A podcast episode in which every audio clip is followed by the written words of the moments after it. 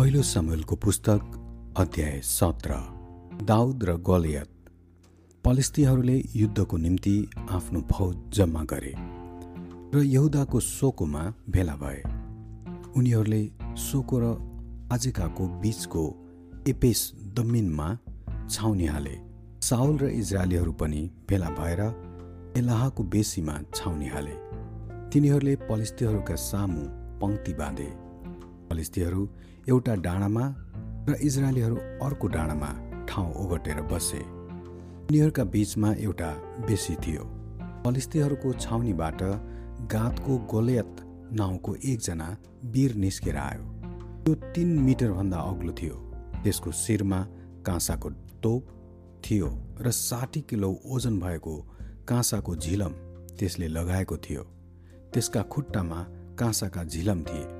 र त्यसका हतियारहरूमध्ये एउटा चाहिँ काँसाको वर्छा ढाडमा त्यसले बोक्यो।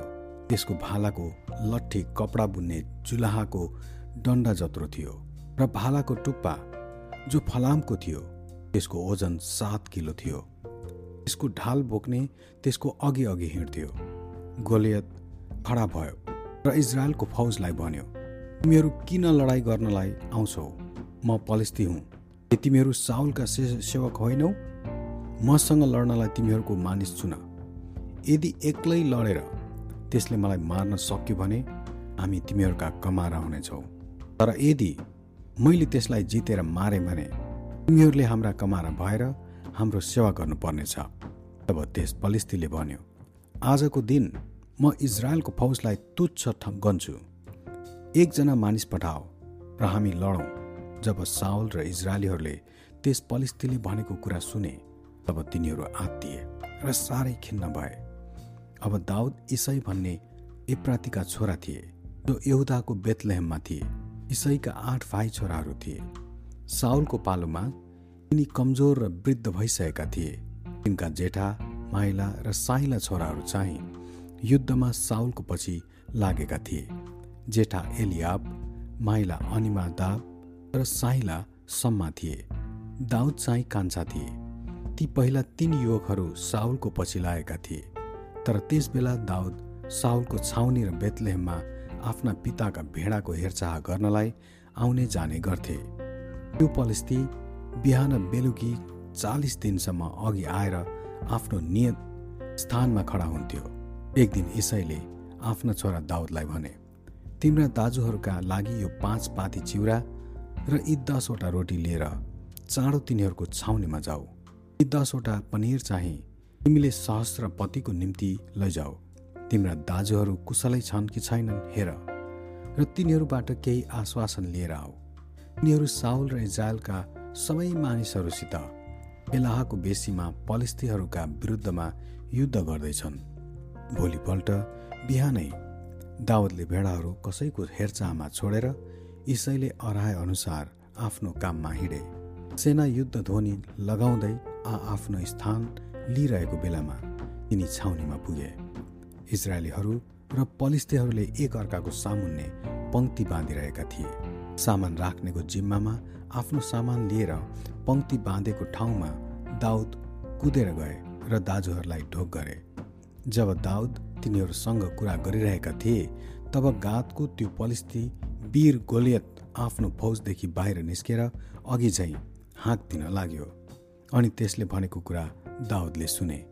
जब इजरायलीहरूले त्यस मानिसलाई देखे तिनीहरू ठुलो डरले भागे उनीहरूले भने हेर त त्यो मानिस दिनै पछि आएर इजरायललाई धम्की दिन्छ। यसलाई मार्ने मानिसलाई राजाले प्रचुर इनाम दिनुहुनेछ। आफ्नी छोरी पनि त्यससँग विवाह गरिदिनुहुनेछ। अनि त्यसको घरानालाई इजरायलमा अनिवार्य करबाट मुक्त गरिदिनुहुनेछ। दाउदले छेउछाउका मानिसहरूतिर फर्केर भने यस पलिस्तीलाई मार्ने र इजरायलको अपमान हटाउने मानिसलाई के गरिदिने त? जीवित परमेश्वरको सेनालाई तुच्छ भन्ने त्यो खतना नभएको पलिस्ती चाहिँ को हो र? यसलाई मार्ने मानिसलाई के गरिनेछ भने मानिसहरूले दाउदलाई दोहोऱ्याएको बताए। मानिसहरूसँग दाउद कुरा गरिरहेका तिनका जेठा दाजु एलियाबले सुने र उनी रिसले चुर भए। उनले दाउदलाई यसो भनेर सोधे यहाँ के गरिरहेछस्? वनमा भएका ती अलिकता भेडाहरू हेर्न तैँले कसलाई जिम्मा दिएर आइस् म तँलाई चिन्दछु। घमण्डी र दुष्ट हृदय भएको तँ लडाइँ हेर्नलाई मात्र आएको होस्। दाउदले भने मैले अहिले के गरेको छु र? मैले बोल्नु पनि नहुने? उनीबाट एकातिर लागेर तिनी मानिसहरू कहाँ गए र त्यही प्रश्न दोहोऱ्याए र सबैले तिनलाई त्यही जवाब दिए। दाउदले भनेको कुरा अरूहरूका कानमा पर्यो र त्यो कुरा साउल कहाँ पुर्याइयो अनि उनले तिनलाई बोलाए। दाउदले साउललाई भने त्यस पलिस्तीको कारण कोही पनि हताश नहुन्। म गएर त्यस पलिस्तीसँग लड्नेछु साउलले जवाफ दिए तिमी गएर त्यस पलिस्तीसँग लड्न सक्ने छैन? तिमी त ठिटा मात्र छौ र त्यो चाहिँ जीवनभरि नै लडाइँ गर्दै आएको छ। तर दाउदले साउललाई भने हजुर म मेरा पिताका भेडाहरूको हेरचाह गर्दै आएको छु। जब सिंह अथवा भालुले आएर बगालबाट भेडा बोकेर लैजान्थ्यो अब म त्यसको पछि गई त्यसलाई आक्रमण गरेर त्यसको मुखबाट त्यस शिकारलाई छुटाउँथेँ। यदि मलाई आक्रमण गर्नलाई त्यो फर्क्यो भने म त्यसको रौँ समातेर कुटी कुटी त्यसलाई मार्थेँ। मैले सिंह र भालु दुवैलाई मारेको छु। यस खतम बेखतनाको पलिस्तीको दशा तिनीहरूको भन्दा असल हुने छैन। किनकि त्यसले जीवित परमेश्वरको सेनालाई विरोध गरेको छ। सिंह र भालुदेखि बचाउनु हुने परमप्रभुले यस पलिस्तीको हातदेखि पनि मलाई बचाउनु हुनेछ। साउलले भने त्यस भए जाऊ र परमप्रभु तिमीसँग हुन्। तब साउलले दाउदलाई आफ्नै लबेदा पहिराइदिए अनि झिलम लगाएर उनले काँसाको टोप तिनको शिरमा लगाइदिए। त्यसपछि दाउदले आफ्नो तरवार झिलममाथि कसिदिए तर तिनी अन्कनाए। किनभने तिनको ती लगाउने बानी थिएन। तिनले साउललाई भने यी लगाएर म जान सक्दिनँ किनभने यी लगाउने मेरो बानी छैन। अब तिनले ती फुकाले। त्यसपछि तिनले आफ्नो लट्ठी उठाए र खोलाबाट पाँचवटा चिल्ला चिल्ला ढुङ्गा छाने र ती आफ्नो गोठालाको झोलाभित्रको थैलीमा हाले अब तिनी आफ्नो घुहेत्रो लिएर त्यस पलिस्तीसँग लड्नलाई गए। आफ्नो हतियार बोक्नलाई अघि लगाएर त्यो पलिस्ती दाउद भएतिर बढ्यो।